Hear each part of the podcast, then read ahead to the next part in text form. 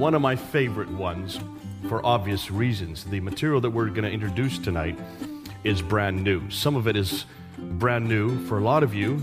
Some of you probably have heard bits and pieces of it. And what we want to do is unpack and go on and continue from what we did last week. And I want to remind you of the claims that the Muslims make. Muhammad is the last and greatest prophet. The Quran was his revelation, sent down only to him, and is the final and greatest revelation. And number three, Islam is the final religion based on Muhammad's life and sayings, the Sunnah, and on the Quran's teachings. Now, we've already gone and we've all unpacked this, and we've talked about some of the conclusions, of course, what this all comes to, and that is that everything that Islam is dependent on is two things the book of the man, the book of the man. Remember, we talked about this when we unpacked what was happening with 9 11, and then we what was happening with the crisis with ISIS. Now we're moving and saying, well, let's look at that book and that man. Because everything is dependent on those two pillars. Without those two pillars, Islam crashes, especially the radical Muslims. And we had and we unpacked what the radical Muslims are dependent on. Every radical group, whether it's ISIS or Boko Haram or Al Shabaab or Al Qaeda, Hizb Tahrir, you go on, the list goes on and on. Whatever the name is of that group, they all have to come back to a book that gives them authority, and they all have to come back to a man that models that authority for them. So do we. We start from the same paradigm. Martin Luther, when he put up those 95 theses on the Wittenberg door, he purposely said, Sola Scriptura, only that which is in Scripture do we follow, modeled on another man, another book, another man, a much bigger man, a much bigger book. So now we've talked about the man. Last week, we unpacked him. We looked at the man. Let's do a summary of last week so we can bring it up to what we're doing tonight. A number of new books are being published which question the classical account of who this man was, Muhammad. We looked at the classical account and then we showed that almost all of that classical account is much, much too late. It doesn't exist at all from where or even when Muhammad was living or where he lived.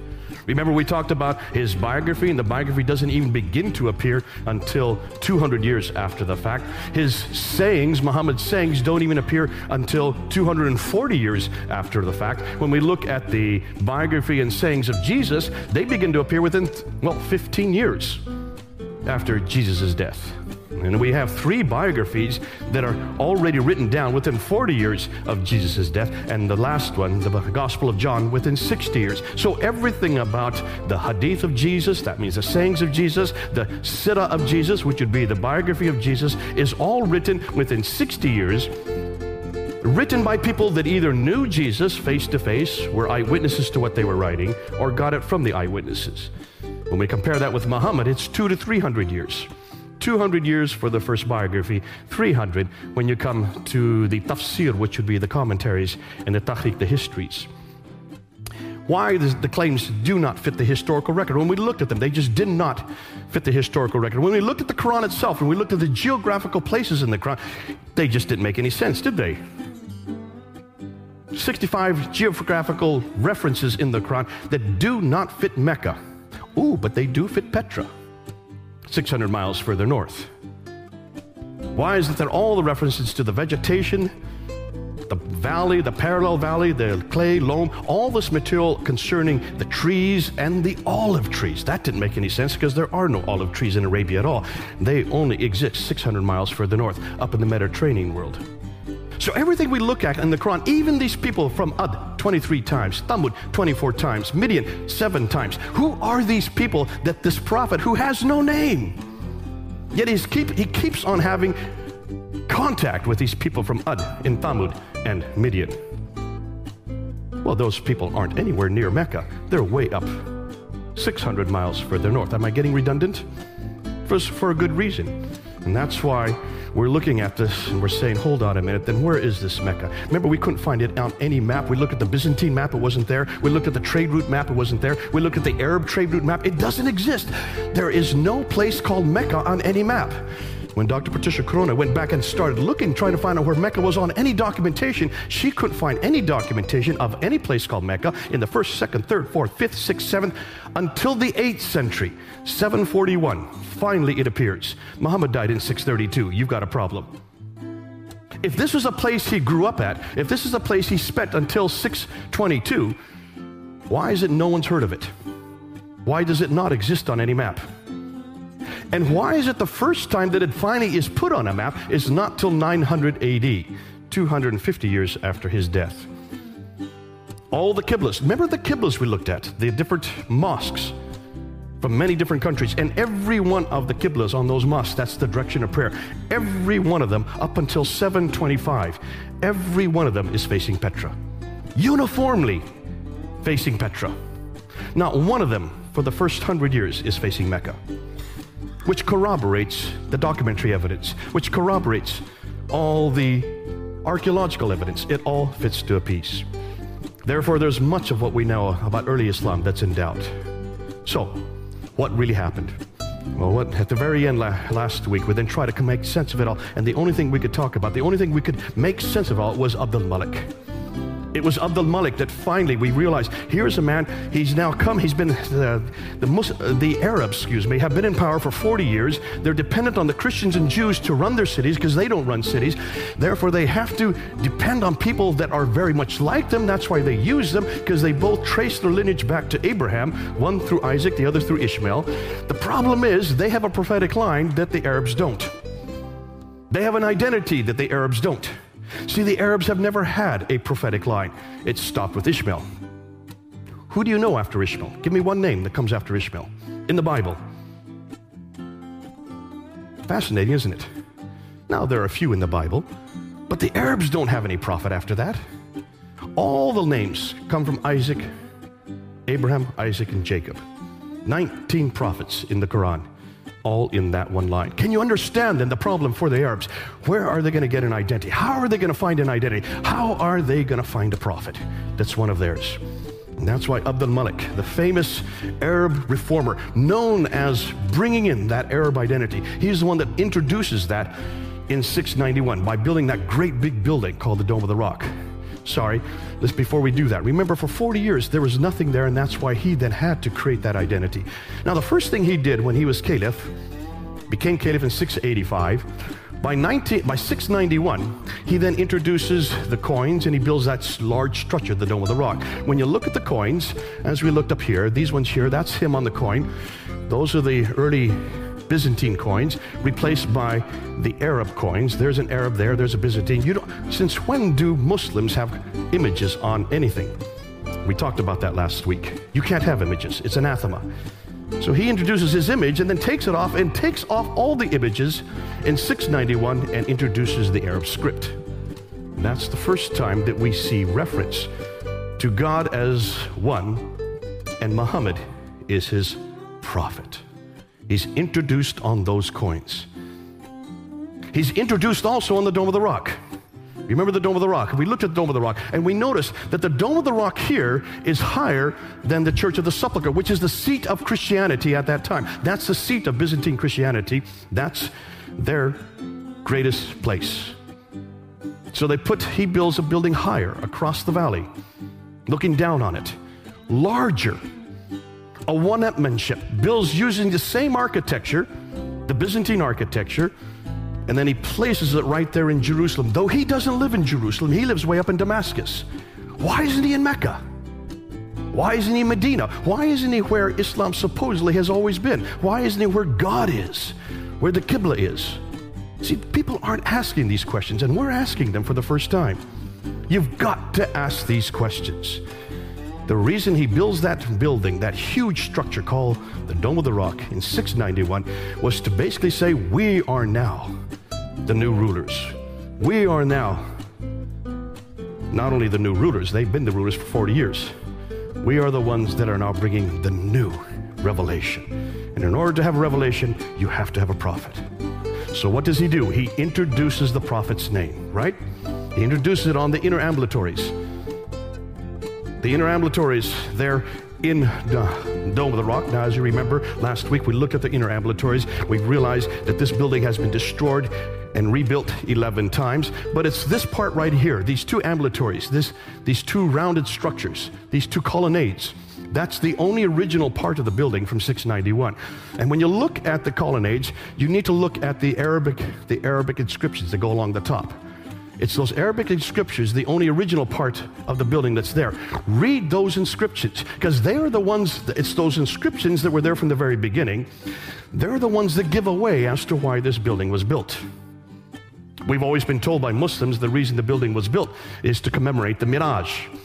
And that's night, in the middle of the night, where Muhammad was sent on the back of the winged horse to fly up to Jerusalem from uh, Mecca. And then he went and zipped up to the seven heavens met Allah in the seventh heaven, came down to the fifth heaven, met Moses. Then he bounced back and forth. Remember that? We talked about that last week. Finally, bringing the prayers from 50 down to five prayers. And then, of course, Moses says, That's enough. That's why the building was built, to commemorate that event. Where is that event even referred to any, on any of those ambulatories? You don't see it in any of those Arabic inscriptions. It does not exist. So, what does exist? We'll take a look, and we looked at it. We unpacked it last week. Surah 112. He has no associate. He begetteth not, no was begotten. None comparable unto him. Muhammad is his messenger. So now it's an attack against Jesus Christ, and it's an introduction of Muhammad simultaneously on those inscriptions. Oh, people of the scriptures, that's us. Do not exaggerate in your religion. There's a polemic against us. Jesus is a son of Mary, was only a messenger of Allah. He is not God, in other words. So believe in Allah and His Messenger and say not three. There's an attack against the Trinity. So believe in Allah and His Messenger. Far is it removed from His transcendent majesty that He should have a son. There's an attack against Jesus again. So the inscriptions are attacking Byzantine Christianity, attacking the theology of that's behind it, the divinity of Jesus Christ, his sonship, and of course, introducing Muhammad simultaneously. Why? Because if you're going to have an identity that's greater than the Christians and Jews, you've got to have your own prophet. And that's why he's introduced in 691. He's introduced on the Dome of the Rock. He's introduced on the coins. And he's also introduced on the Caliphal protocols, the official documents. Finally, they put him on the official documents. And that's why overnight it's introduced. Remember, we talked about this last week. So now you have the faith, Islam, the people, Muslim, and the Prophet Muhammad. Because Muslim is introduced on the Dome of the Rock as well, as long as as well as the religion called Islam. All of them introduced overnight. There in 691. You finally have created your identity. You finally have your prophet. You have your place. You have your religion. And you have your people. You're missing something still, though. Because every prophet has what? Every prophet has a revelation. You need a revelation. So, what do you do? You need to go and find it. You need to create it. You need to put it together. You need to start borrowing from right, left, and center. And that's what we're going to look at tonight. But you still have the wrong place. Because you had him, this prophet, living in Petra. And of course, we know what happened in Petra in 713 it gets destroyed by an earthquake, which means God's power no longer is in Petra. He needs to be moved out of Petra. You don't put him in Jerusalem because that's the seat of Judeo Christianity. So you put him where you belong. You take him down to Arabia. You put him in the Hijaz. And that's where the Marwanid family comes from. Abdul Malik is a Marwan. His son Al Walid is a Marwan, part of the Marwanid family of the Umayyad Caliphate. So you take him home, you bring him home, and you put him in your own city, a city that has no history. And that's why then the Qiblas start to change after 725. They all start moving down towards Mecca, but not before. Not before. And that's why now we can understand. So, what's the scenario? Muslims now have a prophet, they have a revelation, they have a sanctuary, they need a history, so that's why the Sirah had to be written. That's why the hadith had to be written and the tafsir to give them a history and to put them into a context. But that's not written, that's not compiled for another 100 to 200 years later. And that's why now we are asking these questions. By the ninth century, it takes him 200 years finally to have a book, a man, a place, and a story. And that's why Islam as we know it today is not a seventh century invention. It's not an 8th century invention. It's a ninth century invention, redacted back onto the 7th century, because history is telling us so. It's a new religion informed and growing, yet not within a mere 22 years, like Muslims like to tell us, but evolving from two to 300 years. So, let's now go to the book. That's what we're going to do tonight. We've seen the need for this identity, but really the crowning achievement is the book itself. This is what unites Muslims all over the world 1.6, maybe 1.8 billion of them. They all go back to one book, one man. We pretty well destroyed the man last week. Let's destroy the book tonight. Are you with me? Those are fighting words. I say it from the speaker's corner all the time. Please don't you say it, just quote me, okay? Quote our founder team. We love saying it. So we've got the man, we've got the place, Muhammad in Mecca, yet every prophet have a revelation. So where was Muhammad's revelation? Where did the Quran come from? What, does, what do Muslims say about the Quran? Well, if you read uh, the Mishkat al Masabih, which is a compilation of the six most authoritative hadith, the Quran is the greatest wonder among the wonders of the world. This book is second to none in the world, according to the unanimous decision of the learned men in points of diction, style, rhetoric, thoughts, and soundness of law and regulations to shape the destinies of mankind. How many people agree with that? And yet, that's exactly what Muslims believe. They believe this is the greatest book in the history of mankind. Now, what do they say? Well, they say it's superior to all other pieces of literature. I remember when a, a number of years ago I was at Trafalgar Square, Sheikh Omar Bakri Muhammad, back in the 1990s, would have a rally for Islam every August. And he'd bring thousands of Muslims there in Trafalgar Square. He'd be up on the plinth in front of Nelson's column, and they would have testimony after testimony of new converts to Islam. I remember he got up, he had me come up once, one, uh, one year. He had me come up to uh, talk with me in front of everybody. And he had an impromptu debate with me on the Quran. Took about 45 minutes. After 45 minutes, he finally gave up because I was not going to acquiesce on any point. And then he, therefore, he read this reference from Surah 10, 37 to 38.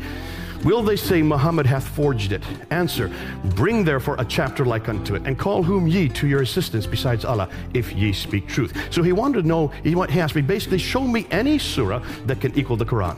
So I took out my Bible, and I opened up to Psalm 23, and I just started reading Psalm 23 about the Good Shepherd. About halfway through it, they turned off the microphone. So I just stepped forward and started using my speaker's corner voice, and I've got a very loud voice. If you have any doubt, come down on any Sunday. Come down this Sunday and hear how loud we can be.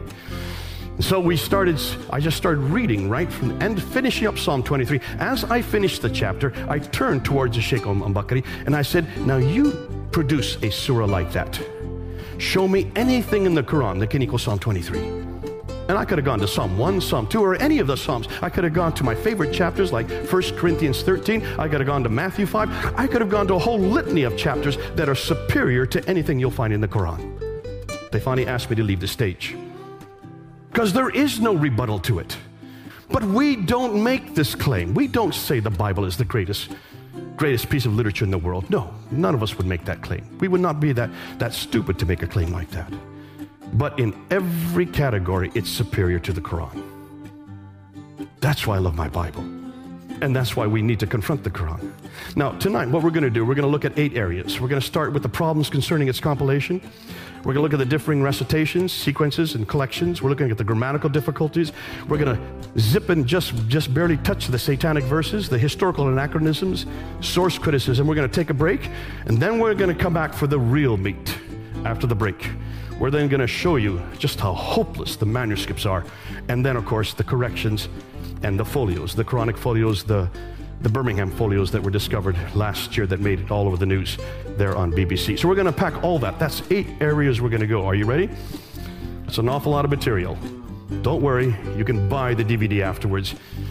Shut it down, put it down, real low, like my Korean friends do. So I speak in a nice, deep baritone and do it slowly uh, for, uh, as, you, as you will. So let's start with the first one the problems with the compilation. How is it put together? Now remember, this is what the Muslims believe, this is their claim. The Quran is exactly the same as the eternal tablets. Surah 85, ayah 22 talks about the Quran always existing in these eternal tablets that exist in heaven. Therefore, it's exactly the same as that revealed to Muhammad, and therefore there have been no changes. That's what the Muslims are saying, and you'll hear it over and over again. But the Islamic traditions seem to have a different story. According to what the Islamic traditions tell us, is that when, when Muhammad was alive, all of the Quran was supposed to have been revealed to different people, his companions. Once Muhammad died, there was no rush to compile the Quran. Instead, there was a desire for power and land, and that's why there was no Quran when he died. Nothing had yet been written down. And I think you'll find that from every school of law. And that's something I've learned and I've known and I've been aware of for the last 33 years. Ironically, when uh, even while Muhammad was alive, he had problems remembering it at times. According to Sunan Abu Dawud, Aisha, his wife, a man got up for prayer at night. He read the Quran and raised his voice in reading. When morning came, the apostle of God said, May Allah have mercy on so and so. Last night he reminded me of a number of verses I was about to forget. Well, that's a pretty odd. If this is God's greatest revelation, how can his prophet forget parts of the Quran? Many people who had memorized the Quran died at the Battle of Yamama. We don't have to read all of this, you can read it in your own time. But basically, what happened is when he died in 632, for the next two years, there were different battles. And one of the greatest was the Battle of Yamama. And many of those who had memorized it died at that battle. So there's another problem. What are you going to do if many of those who knew the Quran no longer lived?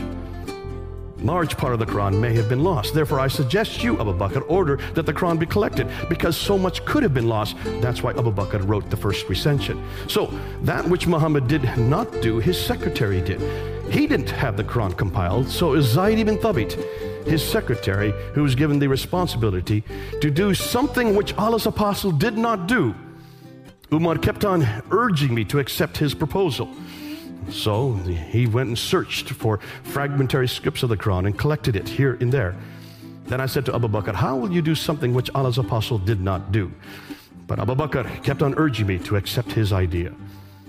Zaid had to go and get it from pieces of uh, leaves, stalks, thin white stones, and the memory of men. So you can see it was piecemeal that he had to collect it from many different sources. One verse in Al Tawba, only one person knew, which shows that maybe there were many verses that were lost. Now, I'm just quoting from their own traditions. This is not my material, this is their material. Another verse in Al Ahzab, again, only one person remembered. Surah Al Ahzab. I could not find it, he says, except that which Khuzaimah ibn Thabit al Ansari, whose witness Allah's apostle regarded as equal to the witnesses of two men. Therefore, that's why he used that verse. Apparently, the first Quran by Abu Bakr, there between 632 and 634, was not good enough. So Uthman, in the third caliph, about 20 years later, had to revise it a second time. Why do you have to revise a book that's perfect? A book that's eternal? A book that's without error? That's a question we should all be asking. One of the things he said while he was going to and revising, he said, I want, there are problems with dialectical problems. Now, I don't know how many people, does anybody here speak Arabic? Or read and write Arabic. Okay, you read Arabic. Arabic always has three consonants, a consonant. Don't point to him, I'm talking to you. You can do this as well as anybody. Just say yes or no, and just obey me, and you'll be fine, okay? But in Arabic, isn't it? It's all consonantal. And in order to know a dialectic difference, if you read a newspaper that you buy in Cairo, and you want to read it in Libya or you want to read it in Jordan, you're going to have a different dialect than the people in Cairo, right? You say yes.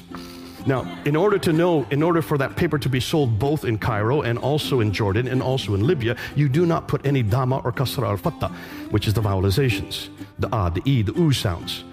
That you keep off because everybody reading that newspaper would put different dialects, dialectic differences, which means you have to have the dama, the kasra, and the fatha to know what a dialectic difference is. But there were no damas, kasras, and fatha in the 7th century. They were only introduced in the 9th century.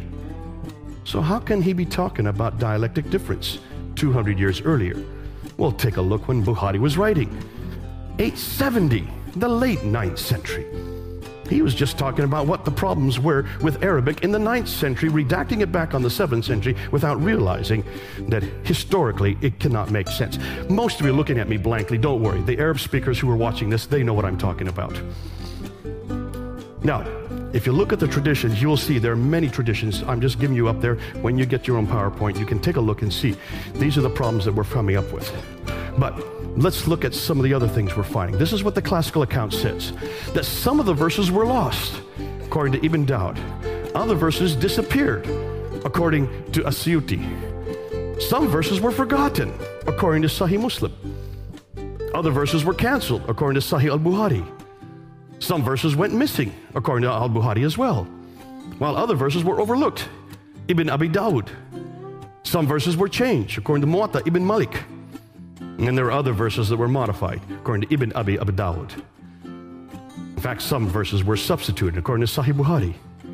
And then other verses were eaten by a sheep. Sunan ibn Majah. Now, when you look at this, lost, disappeared, forgotten, canceled, missing, overlooked, changed, modified, substituted, or eaten by a sheep. Does this sound like a book which was compiled perfectly and completely? And I'm just quoting their own material. There's nothing here I've made up. I'm quoting their own traditions. Certainly, those who wrote these traditions down in the 9th century did not make the claims that Muslims today are making. They knew that much of the Quran was missing, or had been lost, or disappeared, even eaten by sheep. So we need to go back and quote their own scholars. What about other difficulties? There were different recitations, different sequences, different collections, and different grammar. So let's open each one of these. Take a look at the recitations. This one is rather comical. According to Al Khattab, he was listening to a recitation and noticed that he recited in several different ways, which Allah's apostle had not taught him. He jumped up, was about to jump up over during his prayer, but he controlled his temper, and when he had completed his prayer, he put his upper garment around the neck of the and seized the man who was reciting it a different way, and he hauled him off to visit the prophet because the prophet had taught him a different way. When he brought him to the prophet, then he dragged him to Allah's apostle. And when Allah's apostle listened to that recitation, he turned to Khattab and he says, Hold on a minute. It was revealed in this way. This Quran has been revealed to be recited in seven different, seven different ways. So recite it for it of it whichever way is easier for you. So, what is this one recitation that they're talking about? It looks like there's many recitations, even according to traditions, the Prophet Muhammad was willing to accept seven. Well, it gets worse than that. Three more were added, then another four total 14 recitations by the 10th century. In the 1500s, the Ottomans had reintroduced the Hafs al Asim, so that by 1924, when the Cairene canon was finally introduced at Al Azhar University less than 100 years ago, all 14 existed. They only chose one of those 14 for the Quran that we use today. That was then canonized in 1985 by the Ibn Saud family. Fahd Mushaf called, is called by Prince Fahd himself just 30 years ago. Yet today, there's still the Warsh that exists. In fact, there are others in that. The Warsh is the most famous, and that still exists in Northern Africa. So these different recitations still even exist today. There's different sequences to surahs. This is what we're really finding, especially with the newest manuscripts. Aisha said, Show me the copy of your Quran. And when they showed it to her, Aisha said, This is the favorite wife of Muhammad. What does it matter? Which part of it reads first? She didn't really even care. So you can see, according to the earliest traditions, it was really a whole panoply of different recitations, different compilations, and of course, even different sequences. There was not just one Quran that comes from an eternal tablet that exists in heaven. And then what about the collections themselves? According to Sahih Bukhari, the four most authoritative collections of the Quran were written by Ad-Darda, Muad ibn Jabal, Zaid ibn Thabit, and Abu Zaid. But then according to Sahih Bukhari later, we also have another set of four. Masud, Ubdallah ibn Masud, Salim, Muad bin Jabal, and Ubay ibn Ka'b.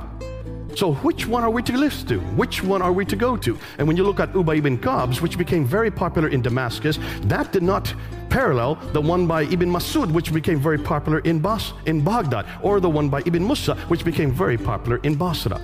To say nothing of the fact that they didn't at all parallel the one that finally was chosen by Zayd ibn Thabit that became very popular in Medina. So four different cities, four different metropolitan codices, None of them, neither of them, or all four of them, do not parallel. Now, why? Well, most of the reason is because of competition between these different reciters, these different compilers. Abdul ibn Masud disliked Zayd ibn Thabit's copying the Mushaf, and he said, Oh, you Muslim people, avoid copying the Mushaf and recitation of this man, which already admits that there is completely different recitations, different Mushafs, different manuscripts. We won't get into too many of the grammar, but we do know that when the first copy of the Quran was written out and presented to the Caliph Uthman bin Affan, he said, There are faults of language in it. Ooh, that's quite an admission. If this is God's holy book, the greatest of all revelation. And then we get to the satanic verses. How many of you know about the satanic verses? Okay, a few of you. Now, not the book written by Salman Rushdie, that became famous here in the 1970s. But he was referring back to a well known problem with the Quran, and that is when Muhammad supposedly was in Mecca, he received revelations about three goddesses Alat, Almanat, and Al Uzza. When he then moved to Medina in 622, Jibril, the angel, then comes to him in the middle of the night and uh, admonishes him for the fact that he holds, that he carried, or that he included these three goddesses in the Quran. And he said it was because of Satan was usurping you, was, was seducing you, that these verses were, included, that these goddesses were included in God's holy word. So he asked him to expunge them out of the Quran, which he did not. They're still there today. You can see them. If you want to go and open it up to, you can go to Surah 53, Ayah 19 to 23. There they are, in full living color. And that's why this has been a real problem for many Muslim scholars. What do you do with Al-Lat, Al-Manat, and Al-Uzza? Wait till next week. We're going to unpack that for you next week. We're going to show you who Al-Lat, Al-Manat, and Al-Uzza. We now know who they are. And we also know who Allah is. But that's for next week. We're going to look and see who Allah is, and we're going to come back and we're going to look at these verses again because these are damaging way beyond repair for Muslims. No, let's do summary of the compilation. Muhammad did not feel it was important enough to write it down while he was living. By the time he died, it was too late. It took them 18 years to finally write it down. Some say 20 years. It could be either 650 or 652. Uthman was the one that was finally given the responsibility to write this book that I have in my hand today. This is the Uthmanic. By the way, I didn't ask permission to bring this in here. Is it okay? It won't hurt anybody. As long as I don't have a Bible with me, I'm sorry. If you can give me a bigger Bible, I'll put it up here next to me and it'll destroy this. And, anyways, we're going to have this destroyed by tonight, anyhow. Okay? But this is not, this won't harm anybody, folks. Please don't worry about the Quran. You don't have to bring it into your house if you don't want to. But I use this everywhere I go because of what we're finding out about this book. It's nothing more than a man made book. And we'll show you that, and you'll see that after tonight. Verses were lost, disappeared, forgotten, canceled, went missing, overlooked, changed, modified, substituted, or eaten by sheep. Seven different readings, recitations, different sequences, different collections, different grammatical formats. Even Satan was, able to, was able to include some of his verses. So let's look at the historical anachronism. Now, these are the historical anachronism. These are things that should not be there because historically they did not make, they would not make sense in that same time period. Remember what Muslims say, the Quran is perfect, does not contain any errors, it has no history. Thus the historical criticism created for the Bible, they say, does not apply to the Quran. Historical criticism that was created for the Bible is only biblical criticism. So we're going to we're taking, as Colin said, we're taking some of that biblical criticism and we're applying it to the Quran, like with like.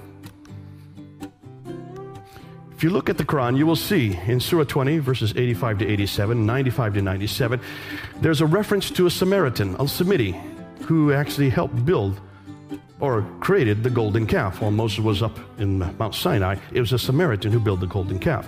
You can't have Samaritans that early. Moses was living in 1400 BC. It, we know where the Samaritans come from.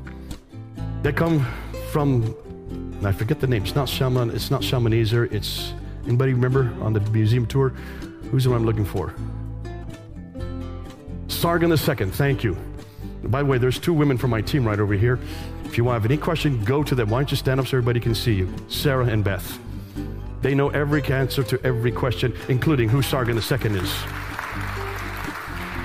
This is the Pfander team, and we're the ones that are actually compiling all this material, and we're using it every Sunday at Speaker's Corner, and we're debating it on campuses and around the world. Sargon II builds and comes down from Assyria, from Khorsabad, the city that he builds, and he comes down to uh, down in the seventh century. So you're talking about a good lot, a long, long, long time after. I'm going to pass it here. A long time after Moses and he th- takes out all the north, 10 northern tribes of Israel, replaces it with his own people from Assyria. They then marry the people that are left behind, and from their progeny come the Samaritans. All right? So you cannot have Samaritans before Sargon II in 722 BC. Moses is living in 1400 BC. How can you have a Samaritan in the Quran living at the time of Moses? Oh, I love it. He's 200, he's 700 years too early. That's a real problem. The Quran introduces a mosque too early. In Surah 17, Ayah 1, it mentions that Muhammad went from the great mosque to the farthest mosque. The great mosque would be the mosque there in Mecca or in Medina, Mecca in this case, to the farthest mosque, which would be Jerusalem. How can you have a mosque in Jerusalem in 621? There were no Muslims in Jerusalem. Jerusalem was not conquered until 652. So here you have 30 years earlier, you cannot even have a mosque, you can't even have Muslims there. So here's another anachronism. In fact, just go back. The first real, if you want to call it a mosque, the first building that was really created there is the Dome of the Rock. That's 691. Al-Aqsa Mosque was not built to 709. So you've got a real problem. I'm sorry, 710.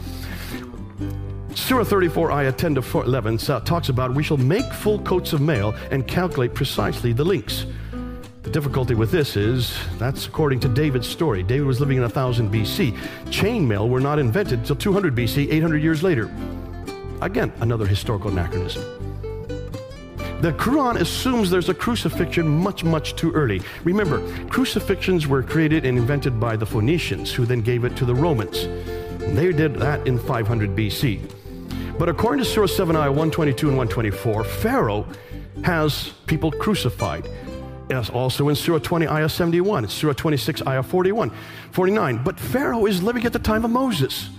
So how can you have someone in 1400 BC crucifying or even using crucifixion that was yet to be invented in 500 BC?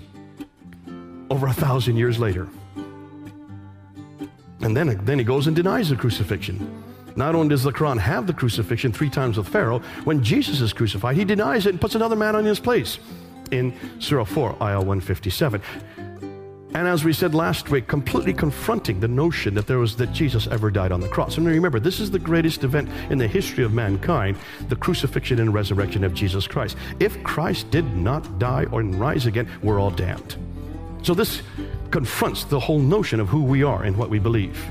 And yet, according to one verse, just one verse, Surah 4, I 157, it throws out Jesus, puts another man on his place, and lets that man die in Jesus' place. Now, if you ask, where does this come from? Because it certainly doesn't come from the first century, because all the historians, you have Thallus and Phlegon, who are debating the crucifixion in 52 AD. Jesus died in 33 AD. Just 20 years later, they're debating the fact that when he died, the earth shook and the sun went dark, supporting what we see in the gospel account. And these are Greek historians, they're not Christians. Tacitus, a Roman historian who hated Christianity, talked about the crucifixion of Jesus, and it said, hap- said that it happened under Pontius Pilate during the reign of Tiberius. That's why we know it's 33 AD, because of Tacitus, the Roman historian, not a Christian. Josephus, Jewish historian, mentions that at the time that Jesus died, not only mentions the death of Jesus by crucifixion, he also mentions the, the, the brother of James, brother of Jesus named James, his death, and curiously even refers to the fact that the Christians believe that Jesus rose again. The only extra biblical reference we have for the resurrection by Josephus, a Jewish historian, writing in the early second century. So there you have Greek historians, Roman historian, and a Greek historian, I'm sorry, a Jewish historian, all supporting the fact that Jesus died. So where did the, where did the Quran get it wrong? Another historical anachronism. What about Mary? Really confused about Mary, the mother of Jesus, over and over again. Miriam ibn Yesu ibn Miriam, or Miriam Iba, uh, the mother of Jesus, over and over again in Surah 1928. This Mary, who is the mother of Jesus, is the sister of Aaron. The same Mary, who is the mother of Jesus, is the daughter of Imran. The same Mary, who's the mother of Jesus, has a brother named, uh, whose um, um, brother is Aaron, also has another brother, Moses. Can you see the problem? We do know of an Aaron who has a father named Amram, who has a brother named Moses, who has a sister named Miriam. But they lived in 1400 BC. Not the mother of Jesus unless she was 1400 years old. A pretty old woman. That would be a miracle if she had a son. Nonetheless, can you see they confuse the two Marys? The Quran's got the wrong Mary, taken the Old Testament Mary from 1400 BC and imposed it on the New Testament Mary. Same name, different woman.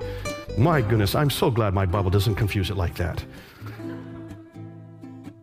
It confuses the Qibla and the Kaaba.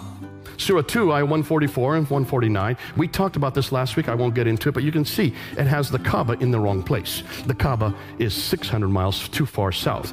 All the historical evidence shows that the Kaaba is in Petra. All the mosques are facing towards Petra until, Petra until 725. Okay, and then we look at Confucius Pharaoh, the Tower of Babel, and Haman in Surah 28, ayah 38. It even gets the name wrong because Haman is not an Egyptian name. Haman is actually a Persian name. You've got the wrong man at the wrong place, doing the wrong thing at the wrong time. And that's why the Quran is so full of these anachronisms. You can pretty well see why, because it borrowed the stories without understanding the content.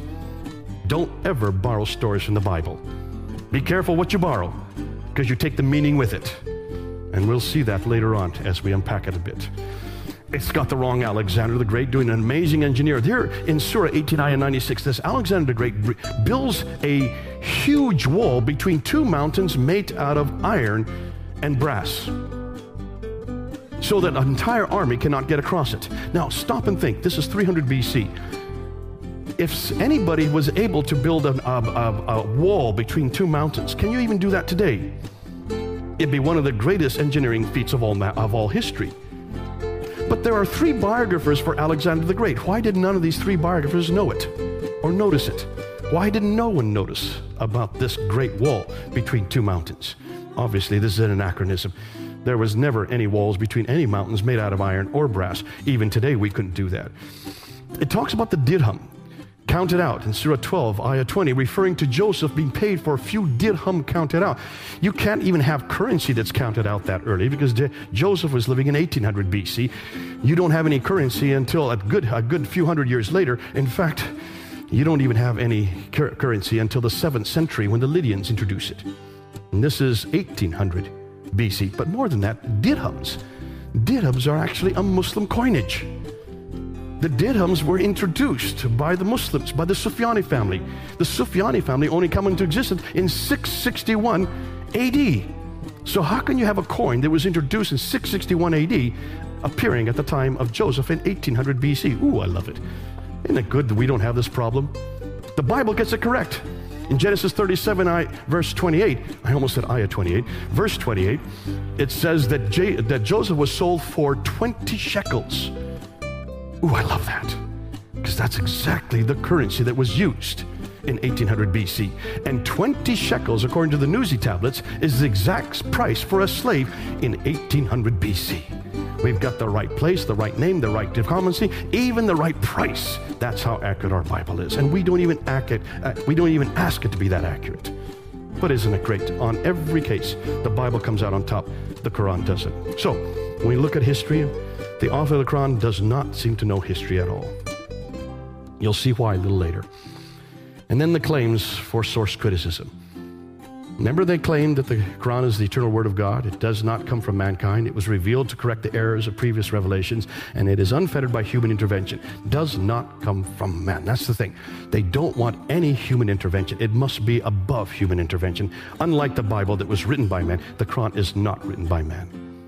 It is eternal sent down, complete, and unchanged. We'll get to that after the break. But then when you take a look at the stories, I don't know if any of you had a chance to look at the stories in the Quran, you will see the stories just don't make sense when they talk about biblical characters. Cain and Abel in Surah 5, ayah 31 and 32. Cain decides to kill his brother Abel, doesn't know what to do with the body, sees a raven burying its partner in the ground, so he follows the example of the raven. Is that in your Bible? For a very good reason it's not in your Bible. It doesn't come from the Bible. It comes from a second century apocryphal account written by the Jews in the diaspora called the Mishnah Sanhedrin 4.5. And the first part of verse 31 comes from the uh, Targum of Jonathan ben Uzziah. They've got the wrong account. Then in verse 32, it goes on to say, O children of Israel, if anyone slew a person, unless it be for murder or spreading of mischief in the land, it would be as if he slew the whole people. But if anyone saved a life, it would be as if he saved the life of the whole people. This is a redemption analysis on the blood of Abel, taken by Cain, written by a Jew for the children of Israel. Do you see that there? So where does that come from? That's from the Mishnah Sanhedrin, chapter 4, verse 5, a fifth century apocryphal account. So you have two stories, one from the second century, the Targum of Jonathan, Jonathan ben Uzziah for verse 31, and you have another one from the second, from the fifth century, the Mishnah Sanhedrin, amalgamating these two stories, they put them into Surah 4, ayah thir- Surah 5, ayah 31 and 32. You notice it is this verse that Obama, this is the verse that Cameron, almost all the politicians like to quote, proving that Islam is a religion of peace. This has nothing to do with Islam. This has everything to do with Jews. Oh, children of Israel.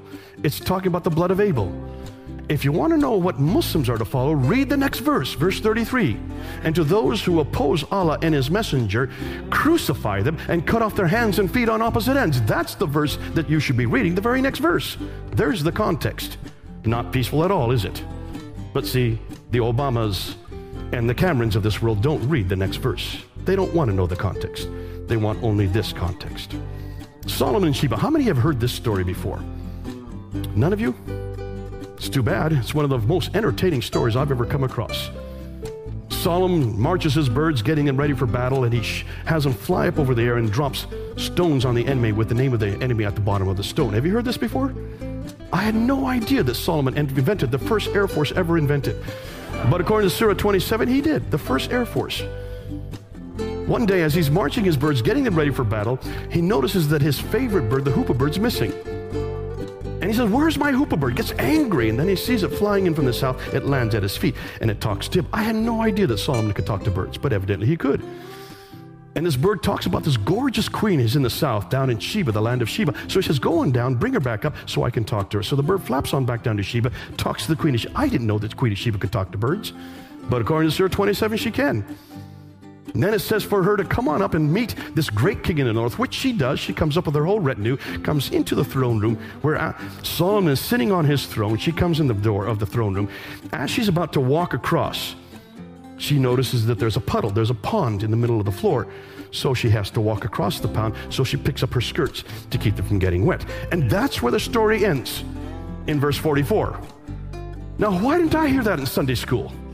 I missed out. Colin, have you preached on this?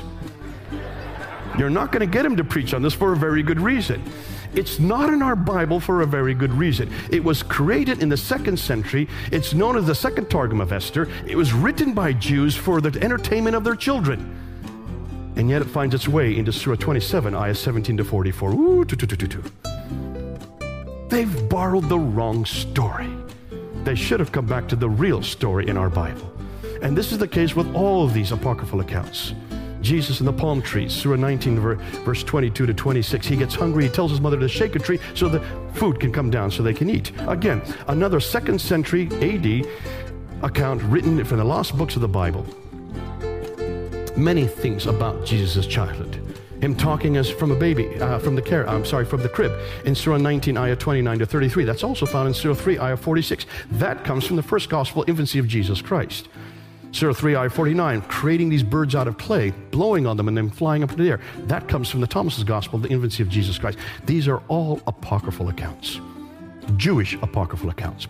And then you get to the beautiful, supposedly the miracle of the Quran, these beautiful poems.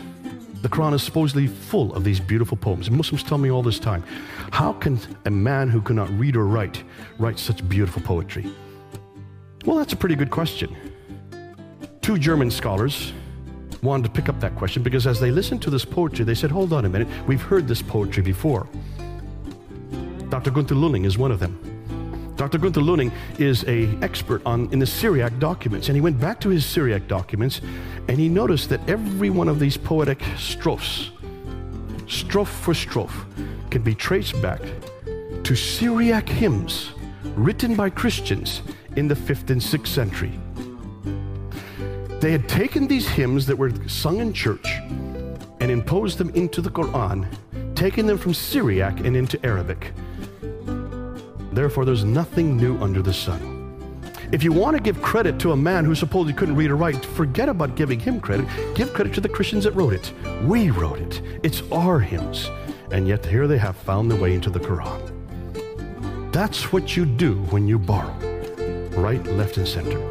You borrow the stories from Jewish apocryphal account. You borrow the stories from Christian sectarian accounts, heretical accounts. You borrow the story from Gnostic Syriac accounts. You bring them in and you impose them in willy nilly. Now, can you understand why the Quran has no chronology? It's all over the place, mixed up. ulta pulta, as we say in India. Try reading the Quran and see if you can find one complete story. There is only one. And that's I already referred to, Surah 12, the story of Joseph. Now, what we're going to do, we're going to have a break now, and we're going to come back. We're going to look at probably the most damaging evidence. And this is the real, the, this is where the mud hits the fan. And this is from a debate that I did a year and a half ago in September of 2014. January of 2014, we came across some new material. Actually, in 2013, we'd come across some new material. And I wanted to debate Shabir Ali. Dr. Shabir Ali is considered to be the Muslim world's best debater. I've debated him five times before, previous to this, but not on this subject. Not on this subject. And so I sent him an email back in January of 2014, and I said, I'd like to debate the new historical manuscript evidence. Would you be willing to debate that? He wrote back, fine, let's do it, but with the un- understanding uh, that we'll debate the same of the Bible. I said, fine, no problem. I don't have a difficulty with that. Uh, although there's nothing new about the Bible, we pretty much You've thrown everything at it, and we've been able to respond to every one of your criticisms. And I said, What this new material you've never heard before. So prepare yourself. This is in January of 2014. And then he let me go first, and that was his downfall. He should never have let me go first because I set the whole tone of the debate. You can go and see the debate. It's up on uh, the classic debates on YouTube. Just put the classic debates, Jay Smith versus Shabir Ali on the original channel, 100, 115,000 people have watched it already.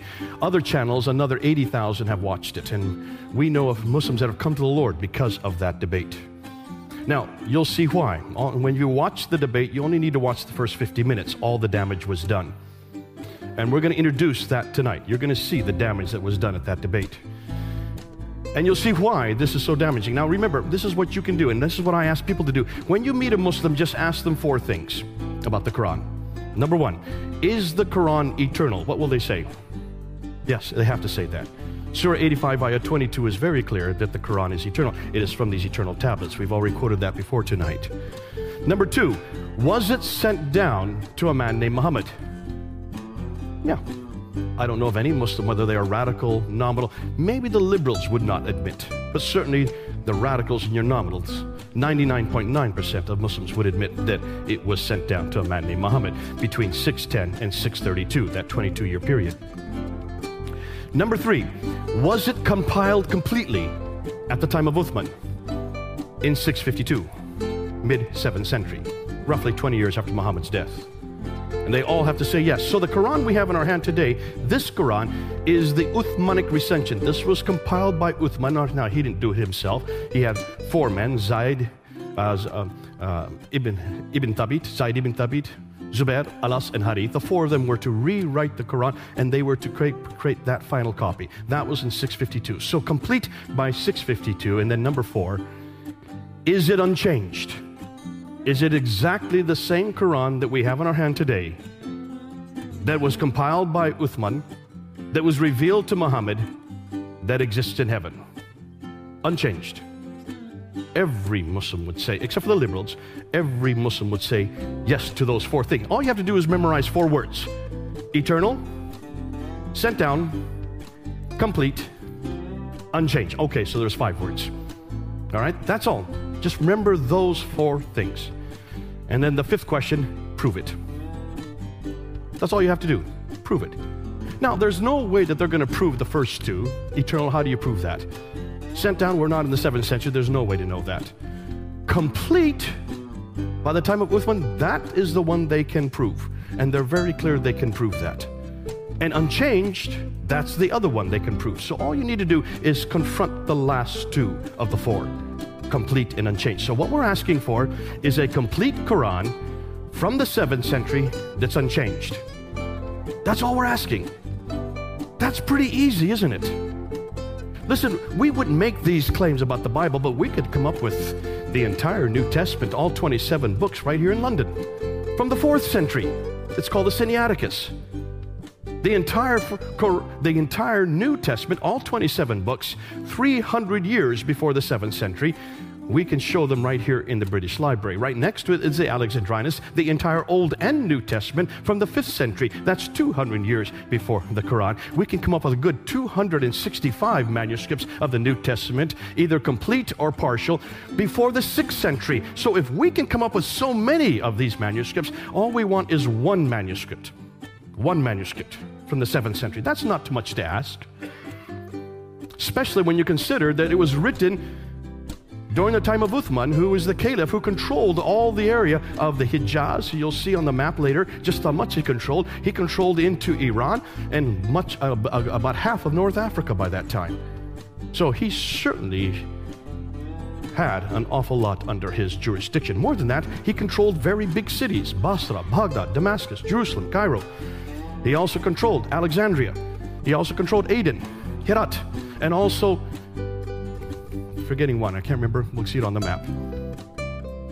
Something Pur. See if I'm wrong. It's something Pur, Shirampur or something like that. So nine different provinces he already controlled under his jurisdiction. So there's no reason in the world that though, and those are still, except for Jerusalem, they're still under Muslim control. For 1400 years, they've been under Muslim control. So there's no reason they should not have been able to preserve these nine manuscripts, as we're going to find out. But let's go ahead and let's see if they can prove it. Now, Shabir Ali, two quotes that I'm gonna that I gave to him at the debate. Just two, I could have given a whole litany of quotes. He said when he was debating Tony Costa, he pointed out that we have a copy, this is Shabir saying, of a copy of the Quran dating from the 790s in the British Museum, the Mayt al So there's the Mayt al-Quran, that's the one here in the British Museum. Folks, that's 1,300 years ago, and we can compare that with what we're reading today, and we find them to be exactly identical. The fact that he used 1,300 is a mistake. He should not have done that, but we're going to find actually he's pretty correct. And uh, the fact that he said that it's in the British Museum is incorrect too. It's in the British Library. Nonetheless, He's quoted that. But what is important to notice is that throughout the ages of Muslim history, the Muslims have not quarreled over what is the text of the Quran because the text was known through memory work and through the written materials handed down right from the time of the Prophet Muhammad. Peace and blessings of God be upon him. As I said, this is Shabir saying, the two copies that were made 1400 years ago, finally he gets the right date, one which is in Tashkent Russia. Well, Tashkent's not in Russia. That he got wrong. It, he should have said it was Uzbekistan. Nonetheless, that's the Samarkand manuscript, for example, has been demonstrated by Ahmed von Denffer, a very good, well known, uh, renowned scholar here in Edinburgh, in his book Ulum al Quran to be an early copy from that time, and we find no difference from that copy to what we're reading today. So now he's made two claims both the Ma'il and the Samarkand are complete and unchanged. All right? He may have got the place mixed up, and he may have got the dates mixed up. Nonetheless, those are the claims he's making. So let's look at those manuscripts. But I'm going to do something even better. I'm going to give to six major manuscripts that Muslims claim today are the original manuscripts. These are the six most authoritative manuscripts that exist in six different cities, known as the Great Mushafs. They call them the Mushafs. Mushafs means the great manuscripts in Arabic. Before we do that, let's look and see where we get this claim from. And it comes from Sahih Bukhari, which is a hadith written in 870, volume 6, 509. I'm going to read the English translation that's in Arabic there on the left or on your right. Curiously, in the 650, Uthman did not have the entire corrected Quran text at hand. As Bukhari admits, a large part of the Quran may be lost. For he then orders three to help Zayd bin Thabit revise the Codex of Hafsa, daughter of Umar, and correct it where necessary, even recalling a verse, Surah 33, Ayah 23, which had been missing from the original text. By the way, I'm, that's a summary of what's there in the text. Sorry, so I'm not reading it verbatim. Then he goes on, Uthman takes Hafsa's Quranic manuscript and has the four compilers, Zayd bin Thabit, Zubair, Alas, and Harith, rewrite the text. And in case they disagreed, they were to write it in the dialect of the Qurayshi. We've already dealt with that. And ordered that all the other Quranic materials, whether written in fragmentary manuscripts or whole copies, be burnt. Why do you burn manuscripts? Why would you burn manuscripts? Unless they disagreed. You want to get rid of the evidence, right? That's the only reason I know why you burn manuscripts.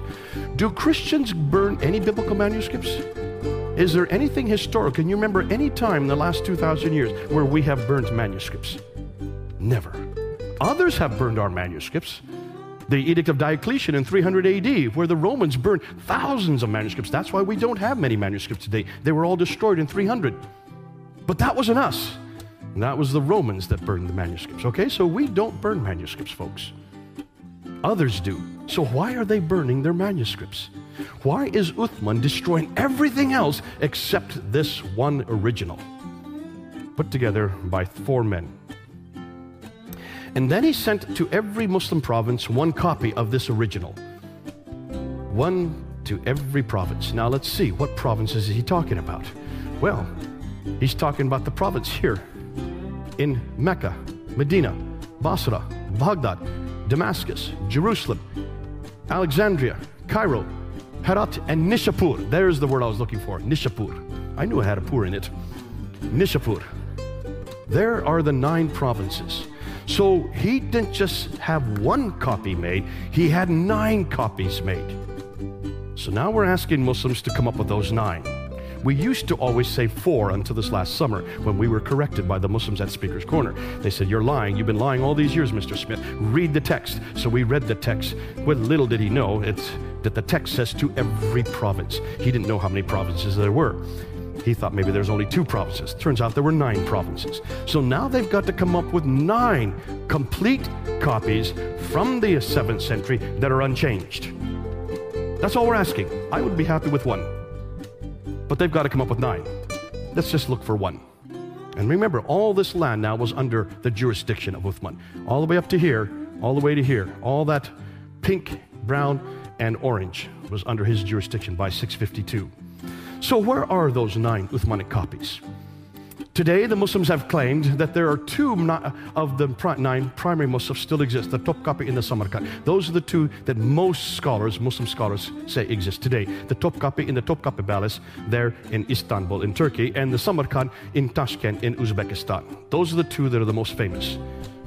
Dr. Shabir Ali adds the 2165 here, the London Ma'il copy that's here in London. Now, so let's look at them. But let's don't just look at those three. Let's look at three others that are claimed by many Muslims as being the six great Muslims. The Topkapi in Istanbul, there's a picture of it. If you look at it carefully, you will see some blood stains here. That's supposedly the blood stains of Uthman. He was killed while he was reading it, and that's the blood stains that are on it. Then you have the Samarkand, which is in Samarkand, in Tashkent, in Uzbekistan. You can see it's quite a bit different, it's much bigger. And then you have the Ma'il, which is right here in the British Library. They used to have this on display every day. We used to go look at it. They've now taken it away because we're starting to talk about it and they don't like what we're saying. Nonetheless, if you look at it, you will see that's a different script than this. Can you see that? This is a Ma'il script. It's slightly slanted and that's why it's called Ma'il. It's a Hijazi script. On this side, you see a much more stylized script. It's much prettier.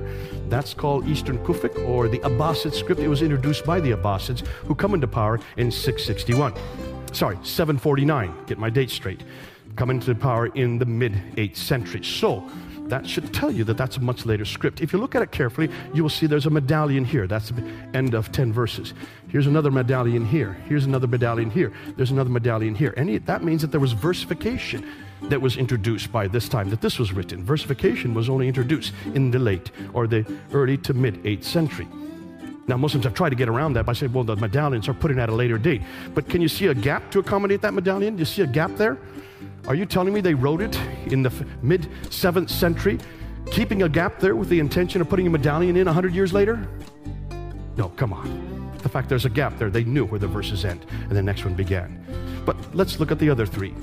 The Huzayni manuscript, which is very, which is in Cairo, it's a much bigger text. The Petropolitanus, which is in the Bibliothèque Nationale in Paris, and then the most famous, the one the most exciting, the Sana manuscript, which was just discovered in 1975 in Sana'a, in Yemen, as they were cleaning out the dome, and they're cleaning out the, dome, they came across a trapdoor. When they opened the trapdoor, thousands of manuscripts fell to the ground, which is not unnormal. When manuscripts of the Quran start to deteriorate, they hide them up in the domes of mosque, and then they forget them. In this case, they forgot quite a few thousand of them, or a few hundred of them, sorry.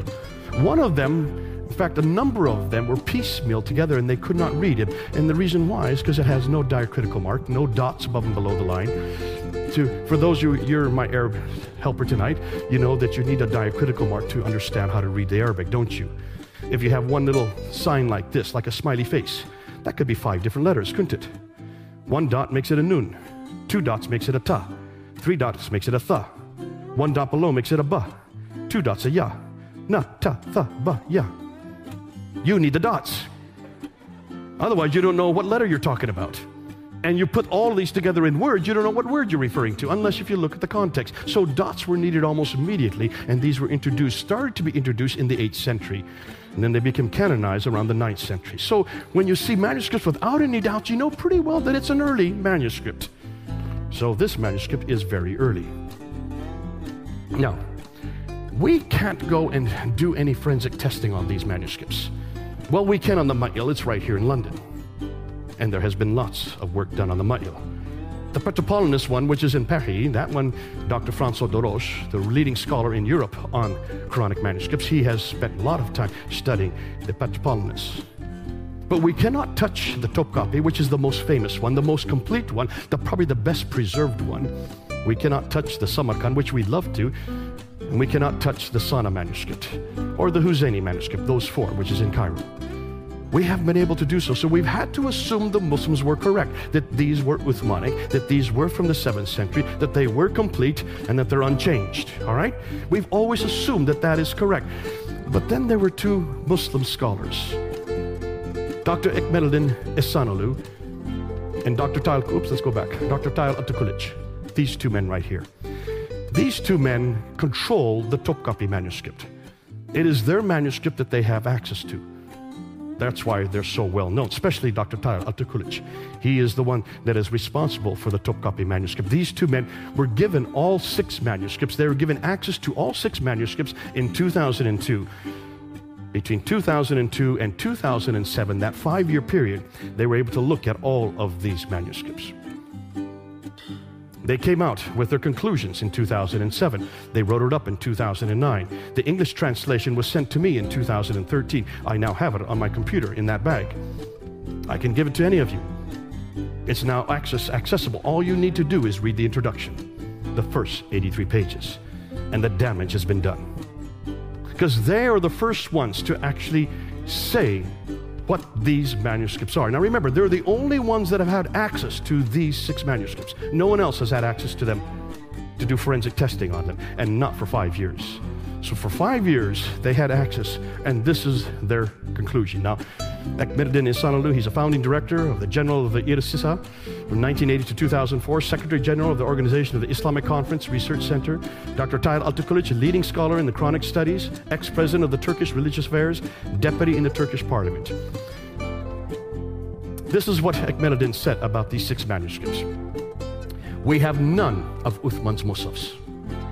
None exist nor do we have any copies from these Mushafs. These Mushafs date from the later Umayyad period. Remember, the Umayyad period goes from 661 to 749. The later Umayyad period means the 8th century. These Mushafs date from the 8th century. Muhammad died in 632. The Quran was compiled by Uthman in 652, the mid 7th century. Are you following the dates? So he's saying all of these come from the 8th century. Dr. Tayyar Altikulac, leading scholar of Quranic studies, says there has been no serious scholarly work has been done on any of them until they did it. These Mushafs date from the early to mid 8th century. None of them date to the 7th century. They are not Uthmanic nor copies sent by him. So let's see what they, they said about each manuscript. The Topkapi manuscript. They date to early to mid 8th century. Altikulac dates the Topkapi to the second half of the first century AH and the first half of the second century AH, that's uh, Al Hijra, due to the voweling and the dotting. And he says, even though we would like to publish this sacred text as a Mushaf of Caliph Uthman, our research indicated that it was neither the private Mushaf of Caliph Uthman nor one of the Mushafs he sent to various centers. There are deviations in it. That was interesting. In fact, he found 2,270 deviations in that text from the Quran that we have in our hand today. Yet, this is supposed to be perfect, eternal, sent down, complete, and unchanged. He said that 99% of the Quran is there, but of the 99%, much of it has holes in it, it has water problems, very clumsy, whoever took care of it, and so only 78% can be read. And of the 78% that can be read, there were 2,270 variants, words or phrases that are different in that manuscript from the Quran we have today. When he looked at the Samarkand manuscript, he dated it to the early to mid 8th century. Again, not the 7th century again. And he said that this one only goes up to Surah 43. It's not even complete. There are 114 surahs in the Quran. He said this is not Uthmanic, as it does, it's from the mid 8th century, and he gives six reasons why this could not be a Mushaf from, the, from Uthman. It has undisciplined spelling. It has different writing styles. It has scribal mistakes, copyist mistakes. It is written by someone with very little experience in Arabic with later additions. And it only goes up to Surah 43. In fact, he said this is an embarrassment. Don't even use it. Yet this is supposed to be complete, eternal, from the 7th century and unchanged. You can't use the Topkapi, you can't use the Samarkand. What about the Ma'il, the one right here in the British Library? Well, we've known about this one. We know also know that it only goes up to Surah 43, that only 53, 53% of the Quran is missing out of it. It's dated to the late 8th century or early 8th century, depending on who you're talking to, but it is not to the 7th century. What's more, it also has manuscript variants. When they looked at the Petropolis one, they, they not only agreed with Dr. François de who owns the manuscript there at the Bibliothèque Nationale, they said that this one is full of corrections. It disagrees with the Cairene Mushaf in 93 places. And more than that, it has five different copyists who wrote it, later modified with erasures and additions. It is made up of different folios, and the largest one is only 26% of the Quran. Most of the Quran is missing. The other folio is only 15% of the Quran, and the third one is 4.2% of the Quran. So don't use this one anymore. The Husseini Cairo, they didn't have much time to look at, but they said it is much, much too late. It's the, what they call a majuscule. It is huge, it's enormous, it has fewer lines per page. And you can see there's quite a few uh, breakings in it. But they said that this one is either from the 8th century. Francois Déroche disagrees with them and so said, no, look at the paleographical evidence. It is from the 9th century. It's 200 years after the fact. When they came to the Sana manuscript, they realized that they really had a treasure trove because this is probably the earliest of all the manuscripts. The Germans saw that when they were flown down in 1981. Dr. Gerd Puin, Dr. von, um, von Bothmer, and Dr. Karl Heinz Ohlig. The three of them were flown down in 1981 to look at this manuscript. I got to know Dr. Gerd Puin. I went to his home. I went to Germany. I went to meet him there. And there in Germany, he showed me a facsimile of what he had found. Now, I'm not going to open it. Just take a look at these pages here. This is his, these are my pictures that I took of it. He said, when you look at it, you will see it has many deviations not mentioned in liter, uh, later literature. It is different numeration, surah arrangements. It has differences in script, surprising number of variants. He let me take a picture of one page. Here is page, I'm here is Surah 19. When you come to the yellow mark, it jumps to Surah 22. What happened to Surah 20 and 21? Well, look on the other page over here. There Surah 20 begins. But if you can look carefully, you can see those are two completely different scripts. And there's about 60 to 70 years between those two pages. So here's the first manuscript we have that shows the evolution in the Quranic text. See those orange marks? Every time you see an orange mark, that's a variant. That means a word or phrase that's different than that manuscript from the Quran we have today. He and his wife counted a thousand of these variants. You can't use the sana anymore. This side over here is dated to 705, early 8th century. This side is dated to later on in the 8th century. When you look at the differences, you will see there's some theological differences. We won't get into that tonight. But what was curious about it, all these manuscripts are written on what we call polyms, I'm sorry, or what we call vellum or parchment, which means animal skin. Mostly deer skin. And when you write on deerskin, you could wash it off and then write over top, then wash it off and write over top. That's what you call palimpsest. But you don't ever really lose, lose all the ink. And later on, as the centuries go on, the ink starts to show through. If you look carefully, you can see the ink showing through. That's a palimpsest. So they're now looking at this side, and what they notice is that the whoops, what happened? The top part of it is from the early 8th century, but the bottom script is actually from the late 7th century possibly the last two decades of the 7th century. Who was ruling in the last two decades of the 7th century? His name is Abdul Malik. Remember, he's the first one to introduce Quranic script on the Dome of the Rock, on the coins, on the Caliphal protocols. Remember from last, last week? that looks like the undercoating is from his time. When they now separate the two scripts, the lower and the upper, they don't agree. So between the late 7th century to the early 8th century, you get two different Qurans. Ooh, I love this. Makes my job a lot easier. Could this inferior, superior text, could it not be a standard Uthmanic text or a companion manuscript? Could it be a Q document that no one has heard of yet? Now, since then, there have been new claims. These radiocarbon claims. We're going to get into that a little bit more. But I won't give, so I won't get to you. But let's look at these corrections. In fact, let's do it right now. Because now we come into probably the most damaging material. Remember what the claims are that the Quran is eternal, Surah 85, ayah 22, that it was sent down from heaven, that it was untouched by human hands, there are no corruptions, no corrections, so that the Quran we have now is exactly the same as that is in heaven, sent to Muhammad and compiled by Uthman. Remember? Eternal, sent down, complete, unchanged. That's the claim every Muslim makes. Dr. Dan Brubaker decided to do his doctoral thesis on this very problem. He spent two years going around the world photographing these six manuscripts. Now he could not touch them. He could not have. He did not have available to him the, the that which Tayar Abdul and Ekmeleddin had. So he could only film them. But all he needed to is to look at the script itself within the manuscripts to see if he could find any corrections. He was. He looked at these six manuscripts and four others. So ten manuscripts, the ten earliest manuscripts in existence today. He wanted to find out if he could find just maybe one, two, possibly 10 corrections. Because if you could just find 10 corrections, then no longer can you say this is from God. No longer can you say this is complete. No longer can you say that this is eternal. It looks like it has human intervention. That's all he wanted to find out. He did his doctorate, finished it in 2014, got his degree, and then he allowed me to look at his thesis.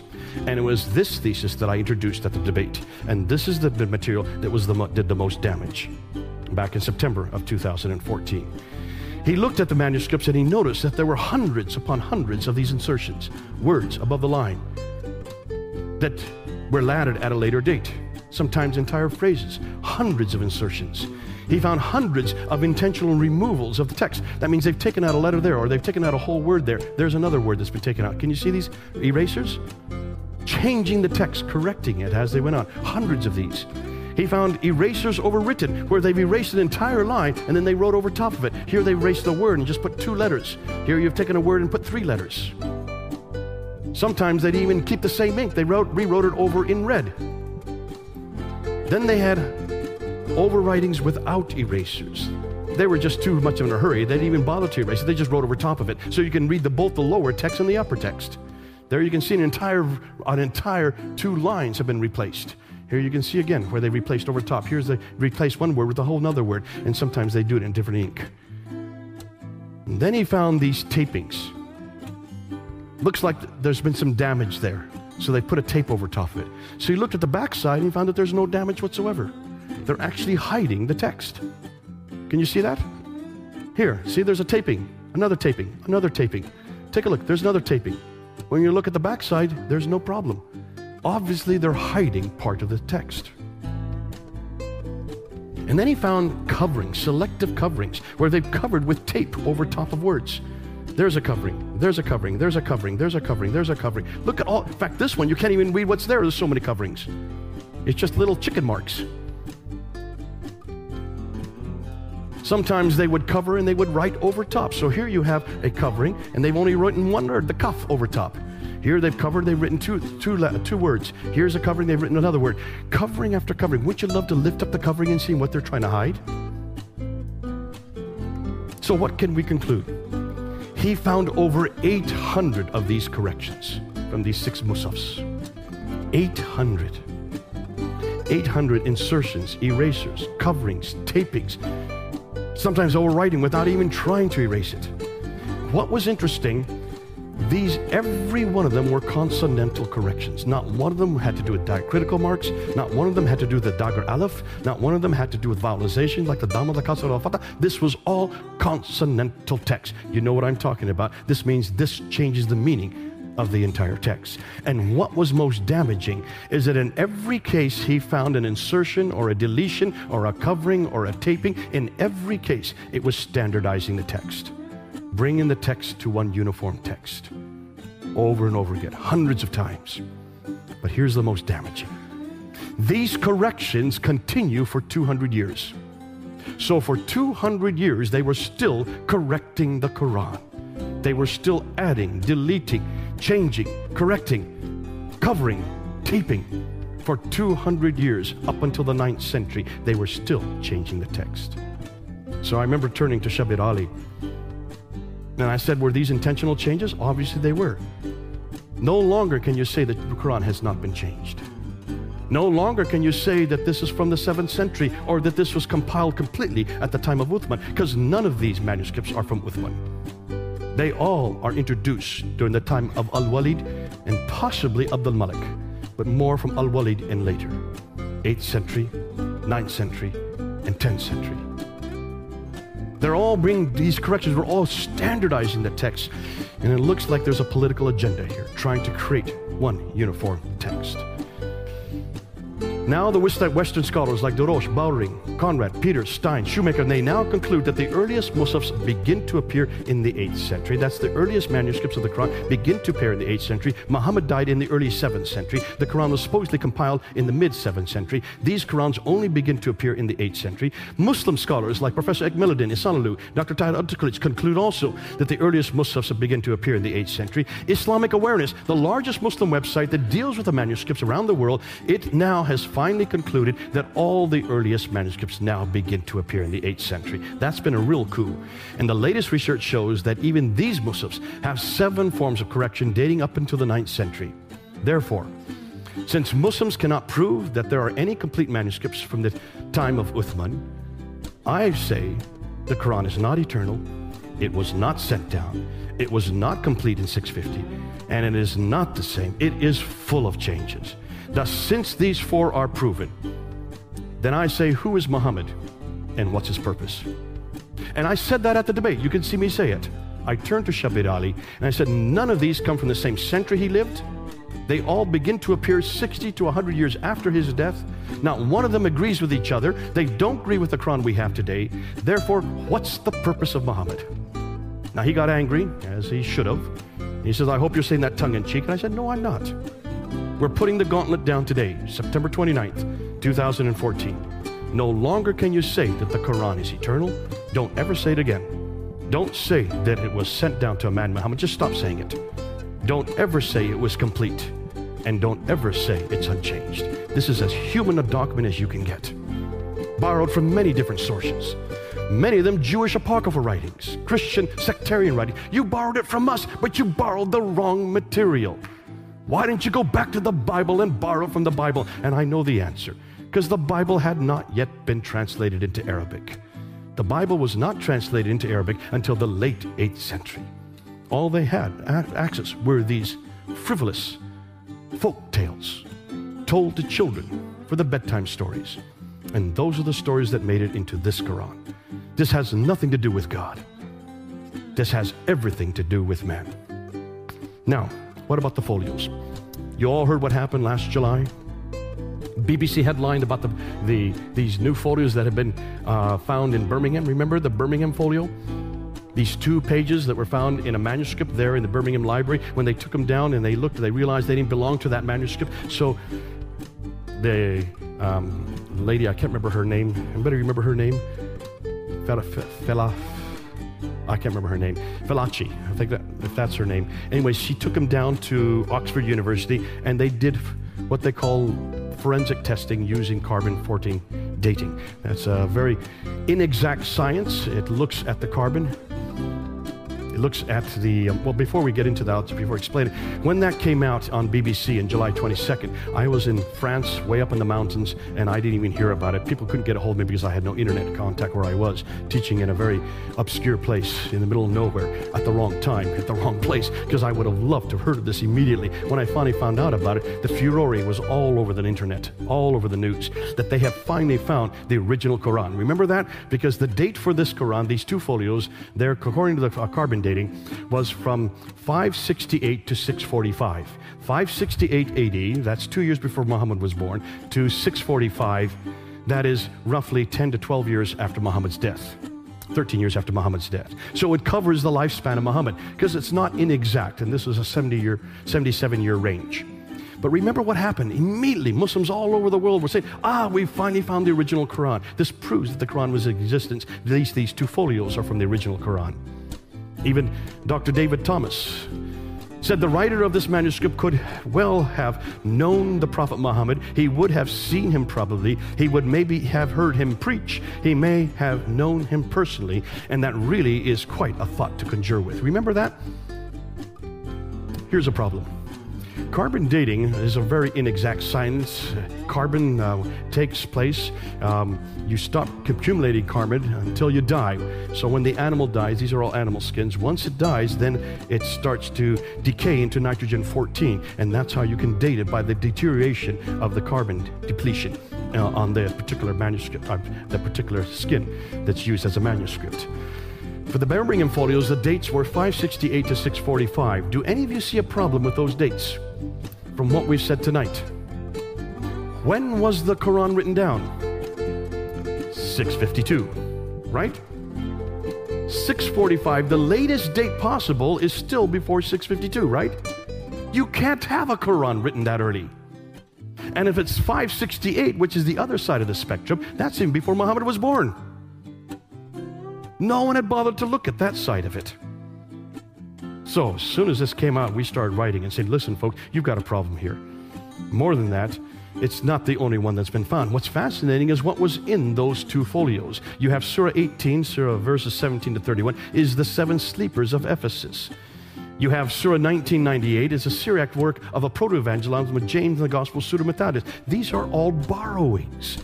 Story, uh, if, uh, Surah 20, uh, verse 1 to 39 is a story of Moses.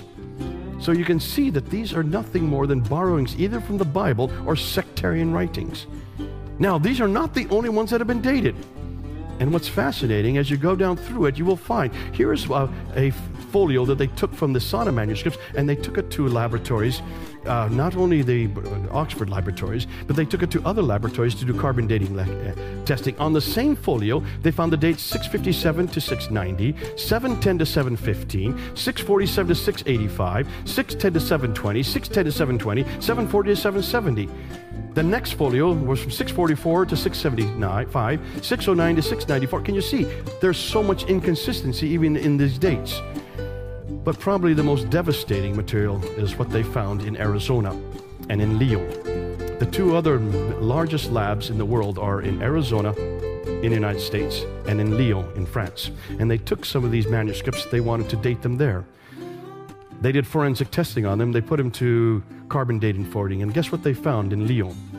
They found that this part of the Sana manuscript dated to 388 to 535. The median date is 461. Muhammad was born in 570. That means these exist before Muhammad was even born.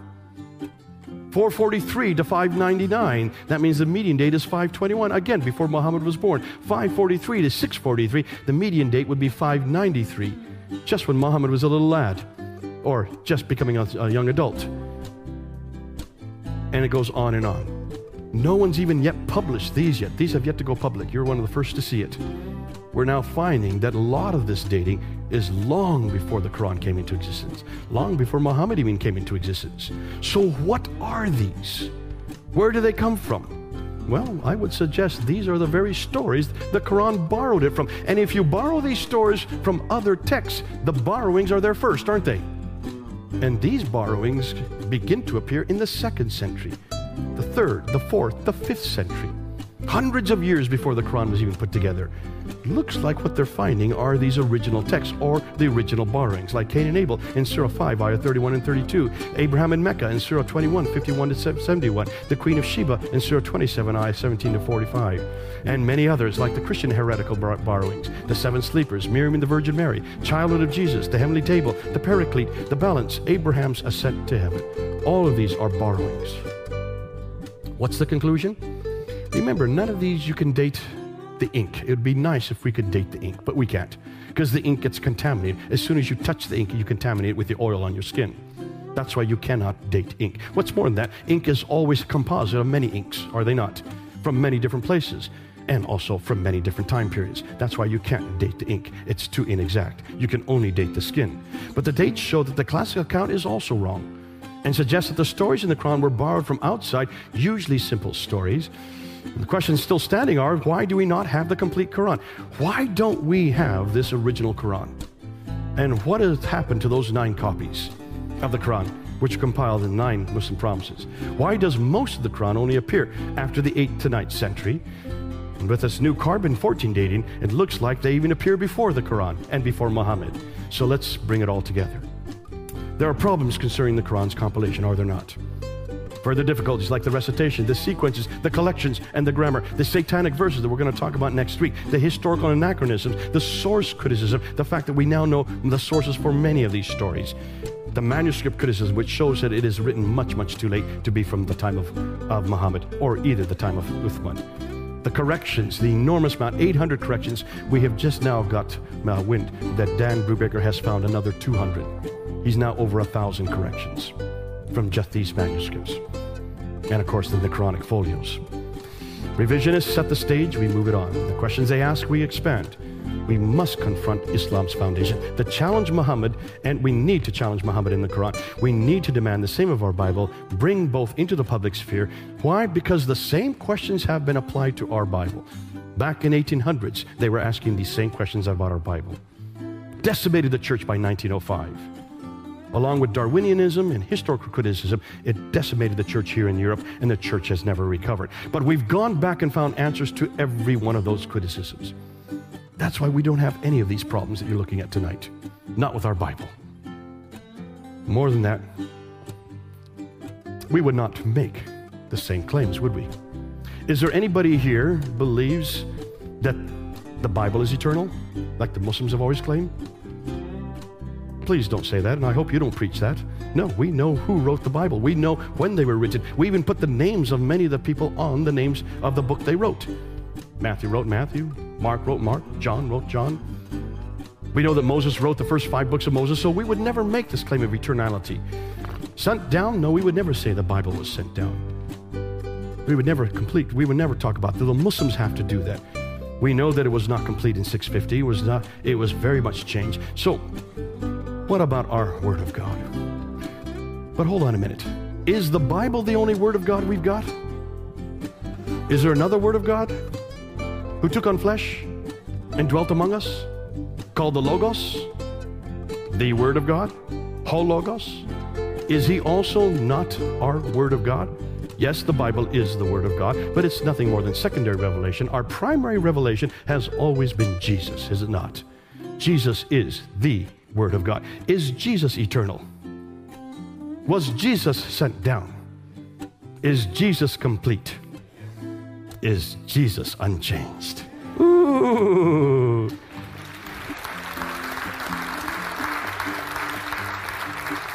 Isn't this great? The very thing the Muslims need for their primary revelation, the Quran, we've already got. If Muslims really want to find an eternal sent down, complete and unchanged Word of God, they better on come on home. Come on home. We've already got it. You don't need to look any further. Don't ever give these claims to the Quran anymore. Don't ever give these claims to their book or their man. We've pretty well destroyed the Quran tonight from those claims. Yes, it is a man-made document. After we um, I took I confronted him with this, I finally turned to Shabir Ali and I said this if this Quran is not written in the 7th century when the Prophet Muhammad lived, if it only begins to appear in the 8th century and the 9th century, if even that which appears in the 8th and the 9th century, like the Topkapi, the Samarkand, the Huzayni, the Ma'il, the Petropolitanus, and the Sana manuscript, these six major manuscripts, if none of them agree with each other, if none of them are complete, and they don't agree with the Quran we have today, then where in the world did this Quran come from? Where did it come from? It didn't come from Muhammad, we know that. It could not have come from Uthman. It did not come from Abdul Malik or Al Walid. So, where does this Quran come from? I asked him that. Now, he had 35 minutes to respond. He spent 19 minutes, I kid you not. He spent 19 minutes telling us that he didn't need to worry about the manuscripts. He didn't really care about the manuscripts. He knew that this is God's holy word because when you look at these set of phrases and you look at these set of verses, you get the number 19. When you look at these words with these words, you get number 19. When you look at these letters with these letters, you get number 19, number 19, number 19. He spent 19 minutes wasting our time. I finally got up and I said, Hold on a minute. What 19 verses are you talking about? None of these manuscripts have verses. You notice? They don't have verses. And what 19 words are you talking about? We don't even have the same words today that you have then. So, what manuscript are you talking about? Where does this come from? He finally admitted it. The 1924. The 1924 Husseini text. This was created in 1924. That's less than 100 years ago. The Duke of Kent is older than this Quran. And I said that to him. You're telling me that this is less than 100 years old? I said, Don't ever make claims again that this is from God. Just stop it. Never again can you say that this is from Muhammad. Never again can you say this is from Uthman or Abdul Malik or Al Walid. It comes from a group of scholars living in Cairo at Al Azhar University from one university less than 100 years ago. Thank God we don't have this problem. What a word we have. And his name is Jesus Christ. We know that we can trust him. We know we can go back to him. We don't make these claims about him. We don't even have to. It's self evidence. Christ is the eternal, sent out, complete, and unchanged. They are looking for him. We've already got him. And his name is Jesus Christ. Now, thank God our Bible, who Jesus was, where he lived, what he did, and what he said can be trusted. How can we know? Because similar historical questions have already been asked and answered. Folks, isn't it great to be able to speak from this kind of strength? Please don't do what I've done tonight with your Muslim friends. Let us do it. This is only for you to be encouraged. This is to show you how great our Bible is compared to their Quran. But that's all they've got. They have nothing but the Quran and Muhammad. Without the Quran and Muhammad, Islam is destroyed. You can even try to destroy the Bible, and people have tried to destroy the Bible. They try to destroy the person of Jesus Christ and the Trinity. And folks, you can do that with debate. And what happens? I have many debates that I've been to that we've lost, yet we never lose faith because we have a relationship with Jesus that they don't. See, we always fall back on Jesus. See, there is no relationship in Islam. And when there is no relationship, all they have is the book and the man, the book and the man, the book and the man. We destroyed the man last week. We destroyed the book this week. Let's bring him home. Let's pray. Our Heavenly Father, it's so good to know that we have such a better book and such a better man.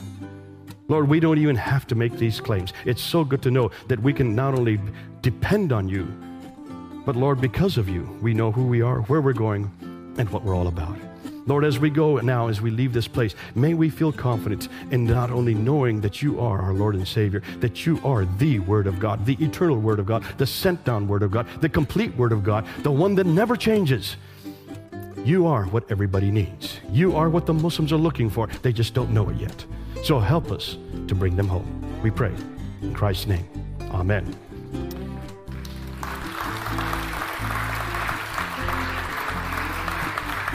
Now, before you leave, some of you have come, up to me and said, Well, where can we go from here? You need to learn this material. So we have put together, Pfander uh, Center for Apologetics here in London has put together a um, one year course that starts from September. And this is the brochure. We, will send it to you tonight if you want to. If you sign up here, we'll send you the brochure.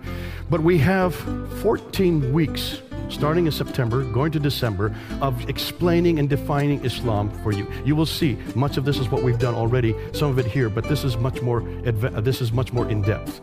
And what we're doing is we have realized that we, people can't come to London. It's just too far. So we are now beaming this out every Wednesday night, from six o'clock to eight o'clock every Wednesday night. We're beaming it out in 13 different countries, live. Over 85 students are taking it this year already. Next year, we want to see over 200 take it.